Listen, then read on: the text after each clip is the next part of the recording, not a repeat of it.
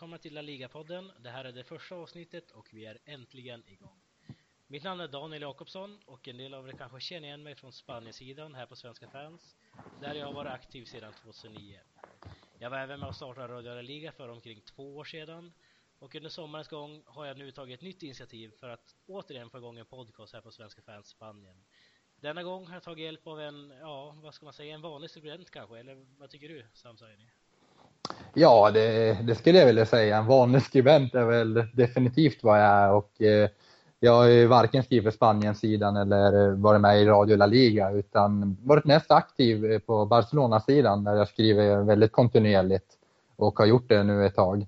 Eh, men varit väldigt aktiv på Svenska fans genom många år nu så att, eh, ja, men det, det känns kul. Kul att vara med faktiskt. Kul att, att vi är igång med en podcast. Eh, det, det, det behövs. Ja, kul att ha det här också. Eh, och vi kommer då i det här eh, programmet alltså täcka spansk fotboll, i synnerhet La Liga. Ehm, I det här första avsnittet så kommer vi bland annat ta upp silly season, den första omgången. Och det är ungefär så vi kommer jobba nu framöver i många veckor här. Vi kommer alltså att ta ungefär tre ämnen. Den här gången så tar vi presentationer av oss upp eftersom ni kanske vill veta vilka som pratar och varför vi pratar. Och ehm, för att göra det lite enklare kanske vi ska presentera oss då. Eh, vi kan börja med mig själv då, som sagt Daniel Jakobsson. 24 år gammal, bor i Umeå. Har tidigare bott i Malaga i den spanska provinsen Andalusien. Eh, följt spansk fotboll i många år nu och har gjort det framförallt för att jag gillar fotbollen som spelas men även för det som inte spelas om man säger så, det som är utanför planen. Vi har flera ligor igen kan man väl nästan säga. Vi har de baskiska regionerna, galiciska regionen och framförallt då katalonska, katalanska regionen. Mm. Som eh, det, de, det är inte riktigt Spanien men ändå är det Spanien om man säger så. Ja, precis. Ja, och det, ja precis. Du som är Barcelona-supporter förstår ju såklart vad jag menar med det. Ja. Och eh, den bländade fotbollen såklart. Det vem kan komma undan den? Och mitt favoritlag är Deportivo La Coruña ifrån Galicien, nordvästra Spanien. Jag har även varit skribent på Depor-sidan här på Svenska fans, varit redaktör och eh, ja, allmänt drivit den sidan tills ja, de senaste åren egentligen, där jag mer gått över till den allmänna redaktionen. Men eh, ja, du då Sam, kan du berätta lite grann om dig själv? Ja, vad ska man säga? Ehm, jag, är bosatt i Uppsala. Ehm, även jag har bott i Spanien tidigare. Det var länge sedan, det var fem år sedan, tiden går. Eh, bodde i Barcelona då, där staden i mitt hjärta och laget i mitt hjärta. Det var en otroligt härlig tid att få följa laget så tätt inpå. Eh, jag var på väldigt många matcher, jag hade faktiskt ett säsongskort eh, under den tiden. Så att, ja, det var riktigt härligt. Men just nu så bor jag i Uppsala eh, där jag studerar. Jag har ett år kvar på min utbildning, läser till statsvetare. Ehm, så att ja, det är väl lite kort om mig själv då helt enkelt. Spansk fotboll, ja vad kan man säga? Det är väl lite som du var inne på. Eh, väldigt bländad, en teknisk fotboll. Men även det här utanför som du var inne på, det här med Eh, den lite lokalpatriotiska Katalonien som vi har, även Galicien som du själv eh, känner till väldigt väl och Baskien. Eh, men det är ju den här just eh, federalismen i, Spanien som är väldigt intressant, som även smittar av sig på fotbollen, har man ju märkt. Mm, precis. Och hur kommer det sig då att en statsvetare från Uppsala gillar FC Barcelona? Vad är liksom, vad, hur kan ditt hjärta slå så stort för Barcelona just? jag vet inte just om det är eh, i egenskap som statsvetare eh, jag, jag blev en Barcelona-supporter utan det har ju egentligen varit med sedan barnsben och jag, jag är som sagt fotbollsspelare också, inte bara statsvetare och eh, jag spelar fotboll ända sedan jag var liten eh, och eh, jag har spelat på såklart en betydligt lägre nivå här i Sverige än La Liga och eh, har spelat i division 3 och division 2 här hemma och eh, har varit den här typiska fotbollskillen men samtidigt så har jag nästan tyckt det varit roligare ibland att analysera fotboll och titta på fotboll än att just spela. För det blir ofta så när man är, är så, spelar fotboll så mycket som jag har gjort under, min, under mitt liv. Då. Jag är fortfarande ganska ung men Ehm, att, att det blir just det här spelandet i fokus. Och, eh, då tappar man en hel dimension om vad fotboll är. Det är ju liksom mycket mer än att bara spela. Det är ju hela grejen utanför och hela allt runt omkring. Atmosfären, eh, allt från att analysera, allt från att spela. Det är liksom ett helt paket känner jag. Så att, ja, inte, inte statsvetarsidan som har skapat intresset direkt. nej, nej, men så att eh, slogan mer än en klubb för Barcelona kanske passar in ganska bra med dig då. Ja, men det tycker jag definitivt. Och I och för sig finns det jag, jag är ju en av få antar jag som definitivt hävdar att politik och, eh, och fotboll hör ihop. Så att, eh, eller sport överhuvudtaget, men speciellt fotboll och speciellt Barcelona med tanke på historien och eh, hur Camp Nou under, under, en, under en tid var som en liksom, fristad för många katalaner. Men det, det är en väldigt intressant historia som jag inte ska gå in på nu då. Ehm, som, ja, kanske har, ja, jag kan tänka mig att det har påverkat mitt val av klubb. Sen tror jag att det är många andra faktorer som gör varför man väljer klubb, utan det, det har ju väldigt mycket om eh, hur man växer upp också. Allt från en pappa eller mamma som gillar något lag, en favoritfärg, utan det är väldigt så här, små, små faktorer som avgör till slut vad man får för favoritklubb. Mm, men vad var det nu som i slutändan gjorde att du vart blaugrana och inte blanco? Alltså egentligen, Ja, precis. Ja, men egentligen borde jag vara Real Madrid-supporter för hela mitt eh, liksom, ungdomsgäng, eller vad ska man säga, barndoms, barndomsgäng då jag hängde med, det var, de flesta var Real Madrid-supportrar. Det, här är, det här är början på ett tidigt 00-tal skulle jag säga. Ehm, där liksom, den här Galactico 1.0-eran hade kört igång med Zidane och Ronaldo som var, ja, det var riktiga idoler för de flesta i vår ålder. Ehm, Eh, och, och, Barcelona var inte i sin prime då riktigt utan eh, hade något tungt år där, där vi till och med slutade sexa i ligan. Och eh, jag vill inte vara med i, i, i den här framgångsvågen riktigt. Eh, sen har jag under min, eller under min tid som Barcelona-supporter upplevt fantastiska eror med Rijkaard och eh, framförallt Guardiola. Då. Men eh, nej, det, det, det, blev väl mest det här att jag inte ville hänga på de andra. Och också tror jag också att jag, jag, gillade färgerna. jag gillade färgerna otroligt mycket. Blå och rött, det var lite mer, lite mer jag. Ja, precis. Nej, just det här framgångsvågen tycker jag är roligt att säga. Det var ju därför jag valde Deportivo. Nej, inte riktigt, men eh, mitt Deportivo, om vi ska ta varför jag håller på Deportivo då, medan vi ändå är inne på det här är ju då framförallt för de underbara matcherna. Man kan inte komma ifrån, det minns ju du också, från Champions League början av 00-talet. Ja, just det. Jag har inte varit, jag är ju fortfarande 24 så att jag var ju 13, 14 år vid den tiden så jag var ju inte överdrivet gammal. Men jag minns ju fortfarande liksom hur Valeron, Tristan och Mackay grabbarna bara gled fram Jalmina. Ja, det, ja. det är mina grabbar så att säga och det har varit några otroligt tunga år nu för Deportivo. Som ja.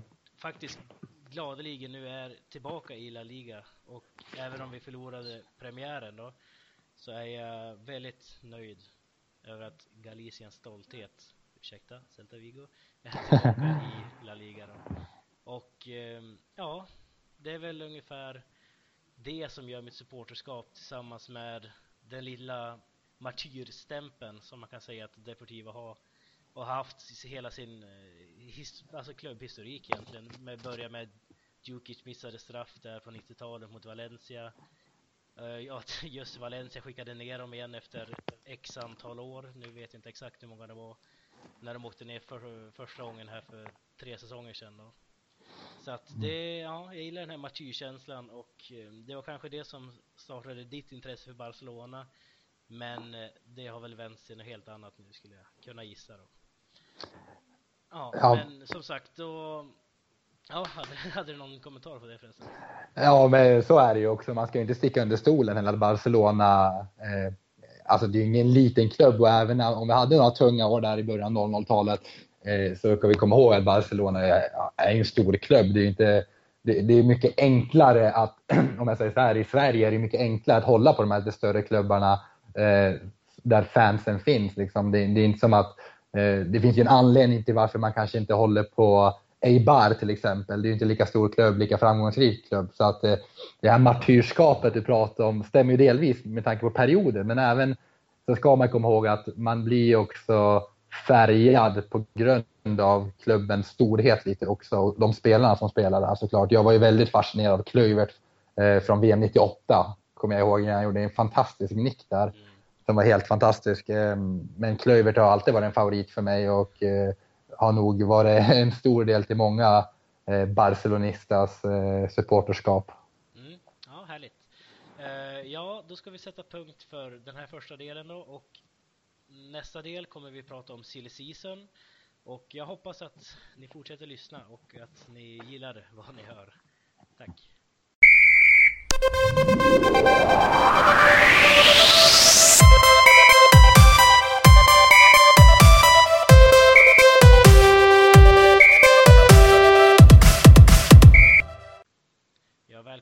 Tillbaka då till den andra delen av La Liga-poddens första avsnitt. Eh, någonting som vi glömde nämna i den första delen var att eh, vi i framtiden kommer ha en tredje medlem här i La Liga-podden som eh, är, man kan säga, en liten okänd gäst med tanke på att vi inte vet vem som, vi, vem som kom in och ni vet ju knappast det.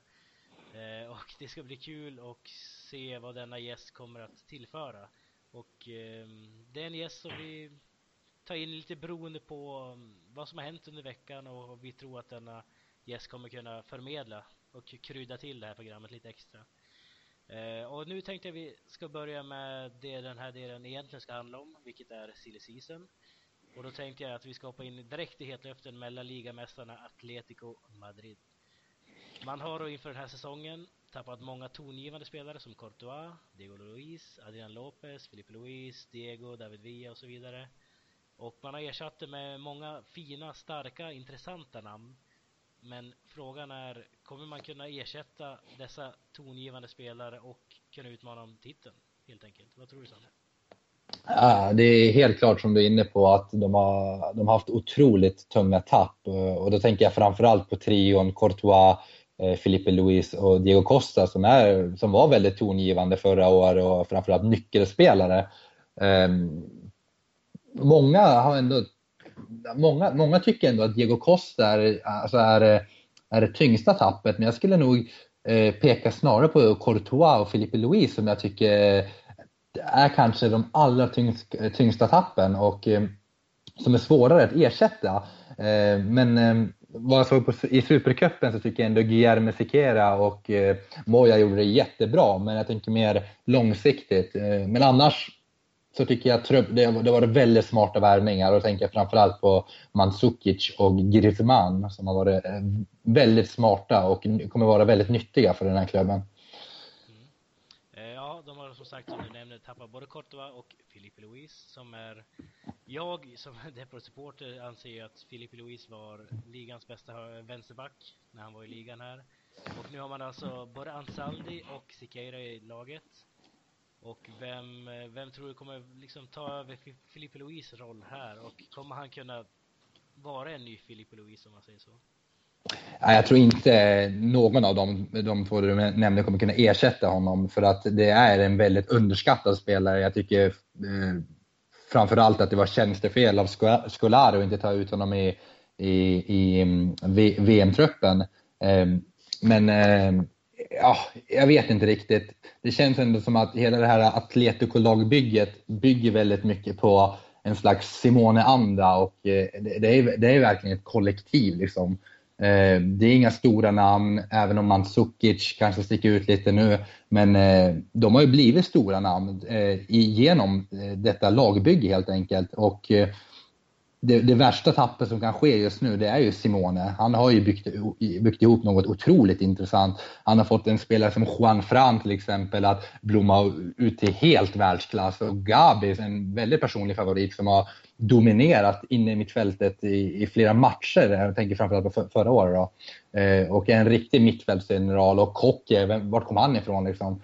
Eh, så det här är ju liksom, lite som Kocke var inne på, varför han inte lämnar Atletico i slutändan.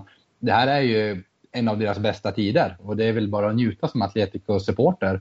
Ehm, såklart, hade varit roligare om de kunde behålla spelare, men nej, otroligt smarta värvningar. Och jag tror eh, framförallt Griezmann kan blomma ut till något väldigt intressant.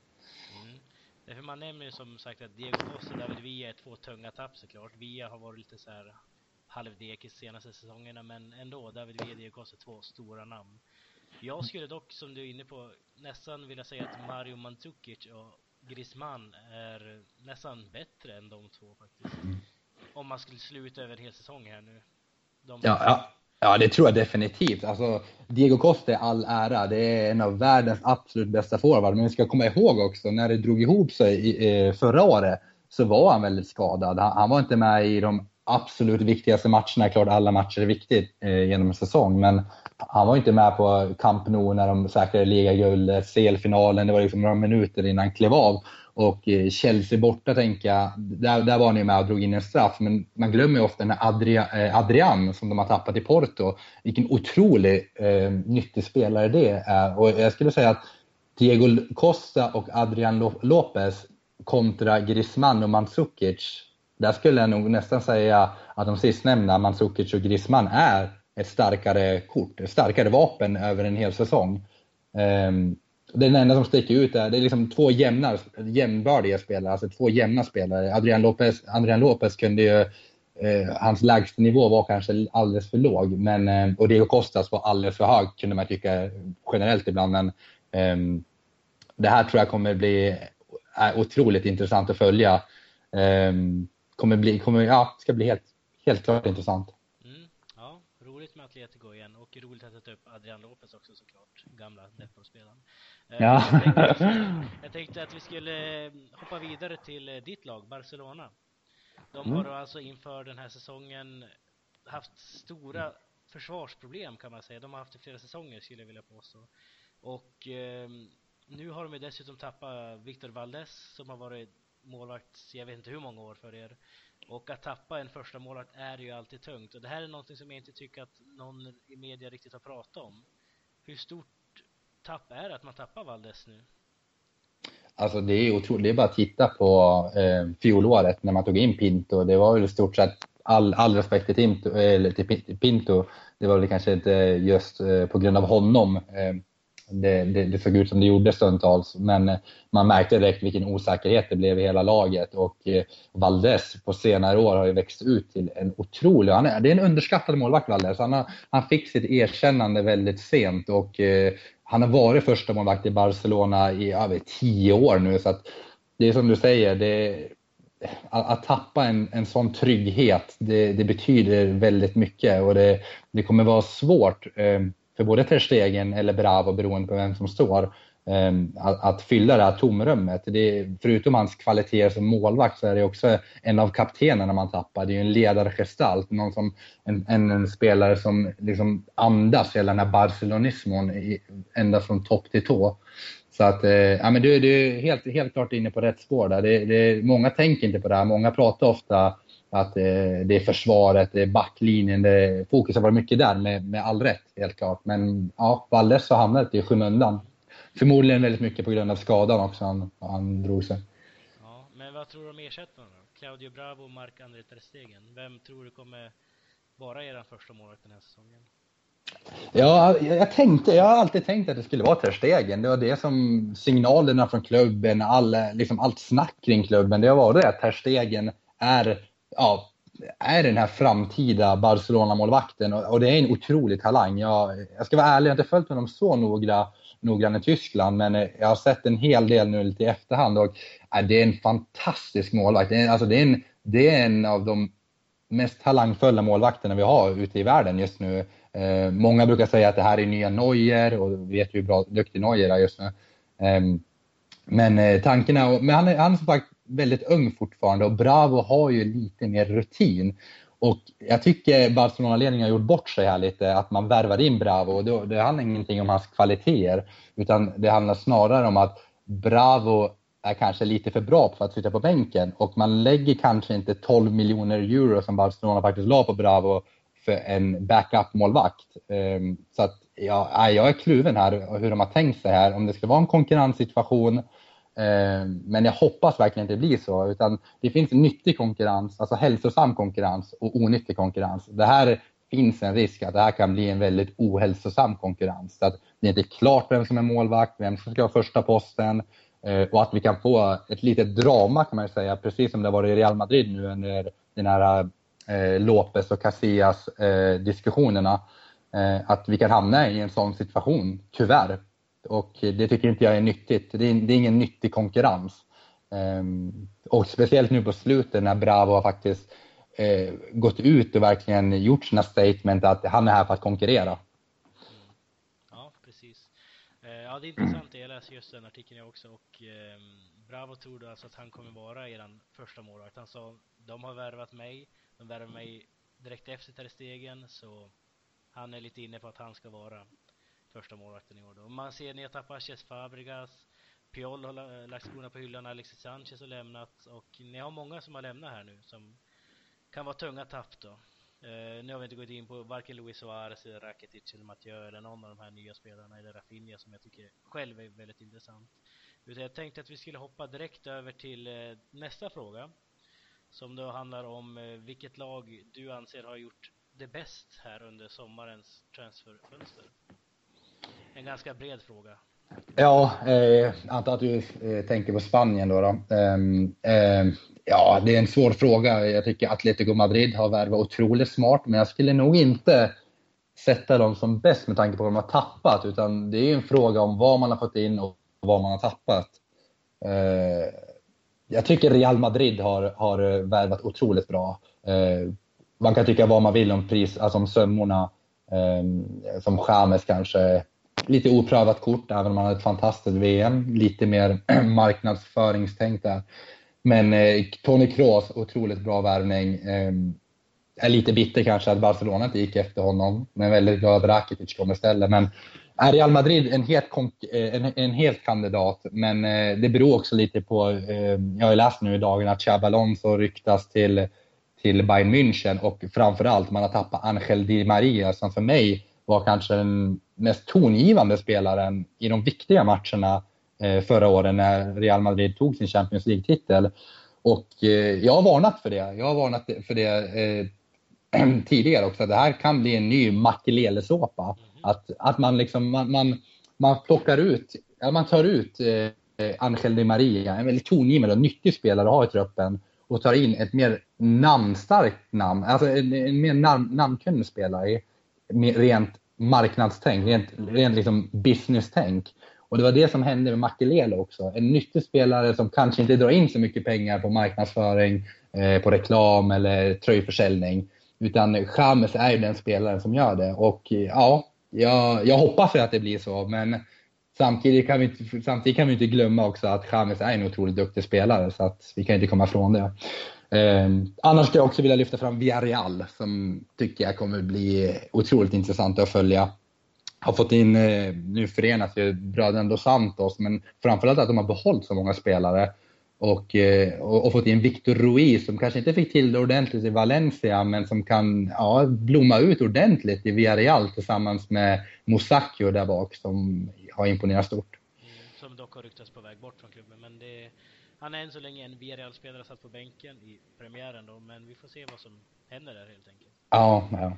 Eh, jag skulle, innan vi avslutar det här, eh, den här delen, så vill jag även eh, flagga lite grann för Valencia, som jag tycker har värvat bra. De har ju tagit in då Mustafi från tyska landslaget, eller ja, han från Sampdoria, men han var med i det tyska landslaget nu som vann VM. Sen Rodrigo är ju en personlig favorit som kommer från Benfica och den gamla Real Madrid-anfallaren som eh, nu är tillbaka i Spanien och eh, vann ju portugisiska ligan i fjol med Benfica så han är nog taggad på att även göra det bra från sig i La Liga då. Och Bruno Zuccolini ska bli intressant från Manchester City. Men eh, det var allt från Silly Season denna gång och vi återkommer snart med del 3.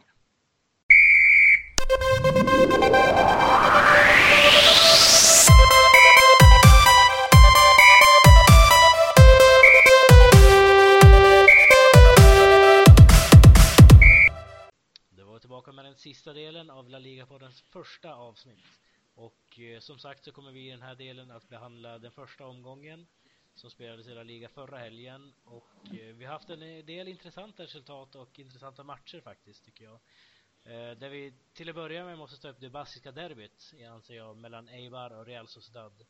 Eibar vinner alltså matchen med 1-0 och eh, ja, vad tycker du Sam? Är inte en liten skräll det där? Jo, det är det ju definitivt att nykomlingen Eibar skulle kliva in i La Ligas eh, premiäromgång och stänka dit storebror i ett derby. Det, det tror jag inte många hade tippat och, eh, och som man gjorde det också. Det var det som var så eh, häftigt. Det där, alltså det där målet som Xavi Lara gör. Jag undrar inte om det där kommer kanske bli ett av säsongens vackraste mål när vi summerar det här. Då. Mm. Ja, definitivt ett av de vackraste frisparksmålen måste man ju säga. Det var väldigt eh jag vet inte om det var planerat eller om det, det såg planerat ut faktiskt när han lägger den bort där väldigt snyggt.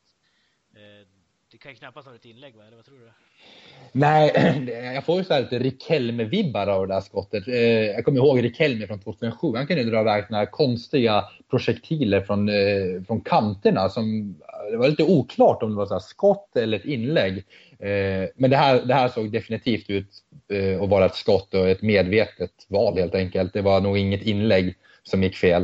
Eh, men förutom målet så gör Eibar en eh, otroligt stabil insats och eh, frågan är väl kanske om det är det här Eibar vi kommer att få se eller om det kanske är lite så premiärtaggning som många nykomlingar brukar ha. Många nykomlingar har ju en tendens att faktiskt lyckas vinna premiären och ha den här extra taggningen. Ja, och framförallt nu när det är derby också mot Real Sociedad exempelvis. Vi har ju många spelare i just Eibar som har lite kopplingar till Sociedad som exempelvis eh, Raúl Navas, mittbacken är ju utlånad från Real Sociedad och ehm, ja, det är lite så man har det där i Eibar. Det är, det är ju den minsta klubben i La Liga kan man ju säga faktiskt med sina 5500 ungefär som arenan tar in då. Eh, någonting annat som jag noterade under den här matchen var att av de 22 spelare som startade matchen så var faktiskt samtliga från Spanien. Alltså samtliga spelare från båda lagen var från Spanien, vilket eh, är ganska häpnadsväckande, eller vad säger du? Ja, det, det, är otroligt häpnadsväckande, speciellt med den globalisering som har skett de senaste åren och eh, där spelare spelar ja, runt om i världen, överallt skulle jag vilja säga. Eh, jag tänker, man kan ju inte låta bli att jämföra med Premier League som har blivit en riktig utländsk eh, liga kan man ju säga. Det är inte många engelsmän vi hittar i, i, i många topplag och då ska man ju också komma ihåg att Sociedad, det är ändå ett lag som spelade Champions League så sent som i, i, eh, i fjol och lyckas ändå ha den här eh, spanska dimensionen och spanska prägen på laget. Ja, det är otroligt starkt. Eh, så man kan säga lite på gott och ont den här, den här äh, krisen som har drabbat de spanska lagen och den här lilla orättvisan som finns mellan storklubbarna, tänker på Barcelona och Real Madrid, gentemot de andra klubbarna. Att fördelen med att de inte får så mycket pengar som de stora klubbarna får är ju att de blir mer eller mindre mer eller mindre tvungna att plocka fram de här lokala talangerna. Och det i sin tur har ju utvecklat spansk fotboll något enormt. Ja, precis. Och vi ser ju vanligtvis så, så ni vet ju själva om att vi, Carlos Vela startar ju egentligen för Sociedad, men hoppar in då i, ja men en halvtimme kvar ungefär av matchen på grund av att han vilade från, eh, de hade ju Europa League kvar där innan mot eh, ja, vad heter de, Krasnodar från Ryssland. Mm. Ja, just det. Eh, och det är även nu, idag ikväll när vi spelar in det här så det dessutom eh, Sociedad tyvärr åkt ur Europa League, ur det där kvalet mm. mot just Krasnodar. Så de har haft en liten eh, jobbig tid här nu, Sociedad. Ja, men vi får inte glömma att de har tappat kanske sin allra bästa spelare i Griezmann som gick till Atletico Madrid som vi var inne på tidigare. Ett otroligt tungt tapp och jag kan inte tänka mig att de kommer vara i toppen i år. Eh, det är ett sånt här lag som, ja, man, man vet inte riktigt vart man har dem. Vissa år kan de vara bland de fyra första till och med, medan som andra, andra år slåss om nedflyttning. Liksom. Och på topp har man då Agirecci i vanlig ordning, men man har även värvat in svenskbekantningen Finnbogason som eh, gjorde det väldigt bra i holländska ligan. Vad tror du om honom? Nej, otroligt intressant. Eh, får se hur mycket speltid han får. Som du var inne på, Agirecce är väl kanske den man förlitar sig på nu framåt. Och eh, får se om man lyckas konkurrera lite och få lite speltid. Men ja, det gäller helt enkelt att ta chansen. Ja, precis. Och eh, Eibar imponerade alltså som sagt i den här matchen. Men ett annat lag som jag tyckte imponerade väldigt mycket, tyvärr då för min del, är väl Celta Vigo, Deportivos konkurrenter då. Eh, de vann sin premiärmatch med 3-1 mot Getafe och gjorde det på ett väldigt imponerande sätt. Där de trots har tappat sin manager Luis Enrique och kanske sin bästa spelare Rafinha till Barcelona så vinner man alltså med 3-1 mot Getafe. Vad, vad har du att säga om det? Ja, det är otroligt starkt och Celta Vigo var ju utropstecknet förra året tycker jag också och eh, man tänkte väl att det skulle gå kanske lite trögare nu när Luis Enrique lämnade. Man hade väl känslan att det var hans idéer som hade format det här nya starka Celta. Eh, men man bygger vidare på den framgångsvågen man hade från i fjol, oavsett om man har tappat Enrique eller Rafinha. Då. Eh, och jag såg ju faktiskt den matchen och det, nej, det var otroligt imponerande det spel man visade på, framförallt den här eh, bolltempot man hade och aggressiviteten. Det var verkligen stor skillnad mellan eh, Celta Vigo och Getafe eh, denna match. Eh, vill också berömma Nolito som gjorde en fantastisk match och gjorde väl ett mål och ett assist om jag kommer ihåg rätt där. Mm, precis. Ja, Nolito var ju även bra förra säsongen men eh, han kommer ju få ett ännu större ansvarsområde om man säger så den här säsongen. Getafe mm. har ju fort, fortsatt svårt framåt tycker jag med Alvaro Vasquez som liksom den stora stjärnan men det, det ser tunt ut där framför dem. Annars har de ett ganska bra lag, Getafe. Det, det, ser otroligt tunt ut måste jag säga och eh, även om man kollar, man kan dra för stora växlar av eh, en premiärmatch såklart men jag tycker det såg trögt ut, det såg väldigt fantasilöst ut framåt och kollar man även på Getafes mål så är det ju en otrolig individuell prestation som ligger bakom det. Jag tror det är Lafita som gör ett, en riktig soloräd som leder fram till mål i slutändan. Så att eh, de måste få till det där så att det inte blir de här individuella prestationerna som måste, som måste komma fram varje gång de ska göra mål eller skapa någonting. Mm. Ja, kul med Celta Vigo som sagt till, ja, någorlunda kul är det väl, men 23, 23 september ska ni hålla koll, då är det alltså det galiciska derbyt mellan Celta och... Ja, det är snart det, väldigt snart. Ja, absolut, det är en match man inte missar direkt. Eh, sen tänkte jag att vi ska gå in på den matchen som faktiskt sparkade igång hela La Liga. Eh, den mellan Malaga och Athletic Bilbao. Som eh, Malaga vann med 1-0. Men eh, det var en ganska kontroversiell match det där. Berätta. Ja, äh, det var en otroligt kontroversiell match. Två röda kort, en straff, ett felaktigt bortdömt mål i slutminuterna. Det talar väl sitt tydliga språk. Som vanligt, tyvärr måste man säga, en märklig domarinsats överlag. Oavsett om de röda korten, de röda korten var faktiskt var korrekta och det gjorde domaren helt rätt för att döma ut Doda där. Eh, som hade en armbåge och sen, eh, vem var det som fick det där eh, andra röda kortet? Ehm, det var Atunius, vänsterback. Just Atunius, ja det var också en solklar, det var, i dobb, eller var en riktig saxning bakifrån. och det är, det är ju väldigt farligt spel. Eh, men överlag var det en klen domarinsats och framförallt när Athletic Bilbao lyckas genom Iraisos nicka in det där 1-1 målet på stopptid. Jag vet inte vad som hände där riktigt. Vad, vad är det han blåser för? Ja, det, jag har kollat på samma bilder jag också. Jag vet faktiskt inte ärligt vad, vad domaren hittar där. Och det måste vara väldigt tungt för Iraisos att få bort det där målet bortdömt. Jag minns själv när en annan bask, eh, Daniel Aranzobia, nickade in för Deportivo mot Almeria härom säsongen. Och det var ju en härlig känsla för Aranzobia som berättade att det var liksom hans karriärs höjdpunkt. Jag skulle kunna tänka mig att det kunde vara något liknande för Iraxos nu om det där hade gills. Därför jag vet faktiskt inte vad de blåste för det där. Nej, det, det är ju en, det är en, det är en domarmiss helt enkelt. Jag vet inte.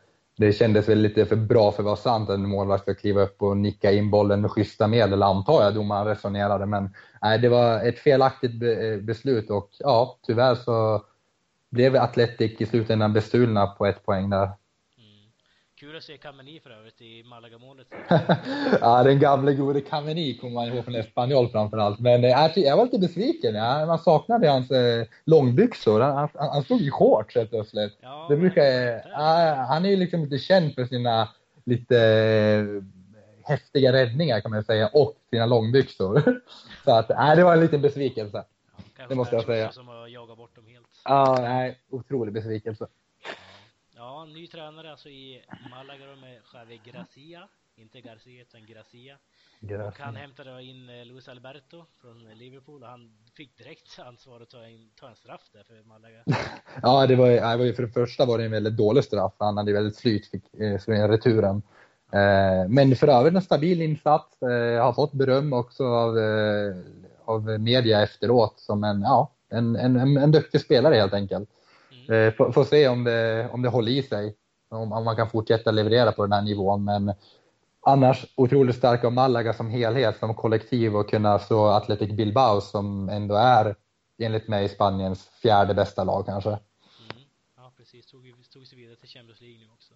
Ja. Eh, ja, men eh, då tänkte jag att vi ska ta oss vidare här och berätta lite grann om övriga resultat lite snabbt. Gå igenom. Granada slog då mitt Depor med 2-1 under lördagen. Vi hade ett eh, toppmöte mellan Sevilla och Valencia som slutade 1-1. Eh, Almeria tog emot Espanyol nere i Andalusien, slutade även det 1-1. Och under söndagen hade vi då, förutom Eibar och Celta Vigo-matcherna, även ditt Barcelona som med en väldigt inspirerande Messi vann med 3-0 mm. mot Elche då. Ja. Sen hade vi ett Valencia-derby mellan Levante och Villarreal som Villarreal väl, verkligen glänser måste jag få säga med 2-0 mot Levante som såg väldigt bleka ut. Real Madrid slog nykomlingen Cordoba med 2-0 och vi hade slutligen då ett Madrid-derby under måndagskvällen mellan Vallecano och Atletico som slutade 0-0. Eh, ja, det var väl egentligen det va, eller? Har du någonting extra du vill lägga in här Sam? Uh, eh, nej, det är väl kanske, vi kanske skulle ha tagit upp lite om Atletico som tappar poäng, men det finns väl inte så mycket att säga. Vallecano är inte lätt att bara köra över sådär, så att jag tycker inte det är så häpnadsväckande som många vill få det till. Uh, Barcelona, Real gör sitt jobb, uh, inget mer om det. Så att nej, det är väl inte så mycket mer tycker jag. En, en, en stabil första omgång och framförallt roligt med Eibar tycker jag personligen. Mm, absolut. Uh, har du mer roligt att berätta? Ja, just det. Vi ska uh, köra igång också under, det här, uh, under den här podcasten också en liten, en liten hiss och disslista tänkte jag. och få se här, vi, vi, jag tycker det är lite roligare om vi kan komma på någon namn för det här istället. vi var väl inne på ta några lite pers personliga favoriter. Du har ju en favorit i Bilbao vet jag där som du skulle vilja hylla lite. Eh, ja, precis. Och ni som har följt mig i Radio La Liga tidigare kanske vet att jag gillar en viss nummer två i Bilbao, Gaisca Toquero. Ja, just som, det. Eh, jag vet inte, han har väl aldrig riktigt varit ordinarie i Atletico. För övrigt spelar jag ju bara också. Ja. Men, eh, det, ja, men jag gillar eldsjälar och han är verkligen eldsjäl. Han har gjort han har inte gjort ett mål på tre säsonger, men vad gör det? det ja. Därför har vi valt att eh, hissa-listan kommer heta veckans Tokiero helt enkelt. Ja, det ja, men det är en hyllning som förtjänar. Jag, jag, jag har också följt den här Tokiero. Jag kommer ihåg att han gjorde mål mot Barcelona i Copa del Rey-finalen 2009 om jag kommer ihåg rätt där en, en, en härlig nick. Vann över Yahya Touré av alla spelare tror jag i nickduellen. Nej, men, nej, men det, det är kanske inte hans fotbollskunnande, men det är väl framförallt det är en riktig, han, han brinner för sin klubb verkligen och det är, det är otroligt härligt att se honom på plan. Också en, en personlig favorit.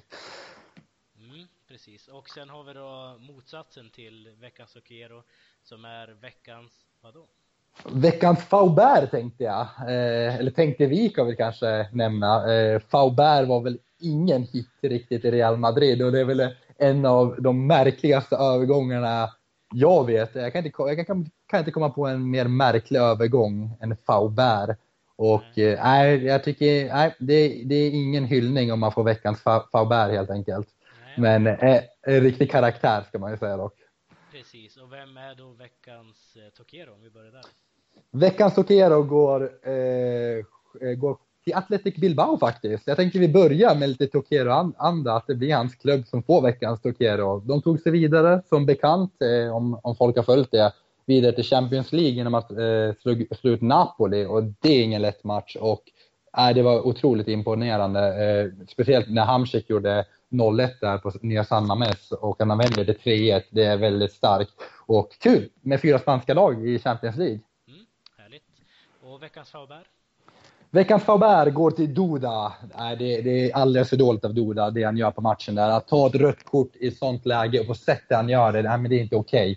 Att sätta en arm, eller nästan ett knytnäveslag han får till där.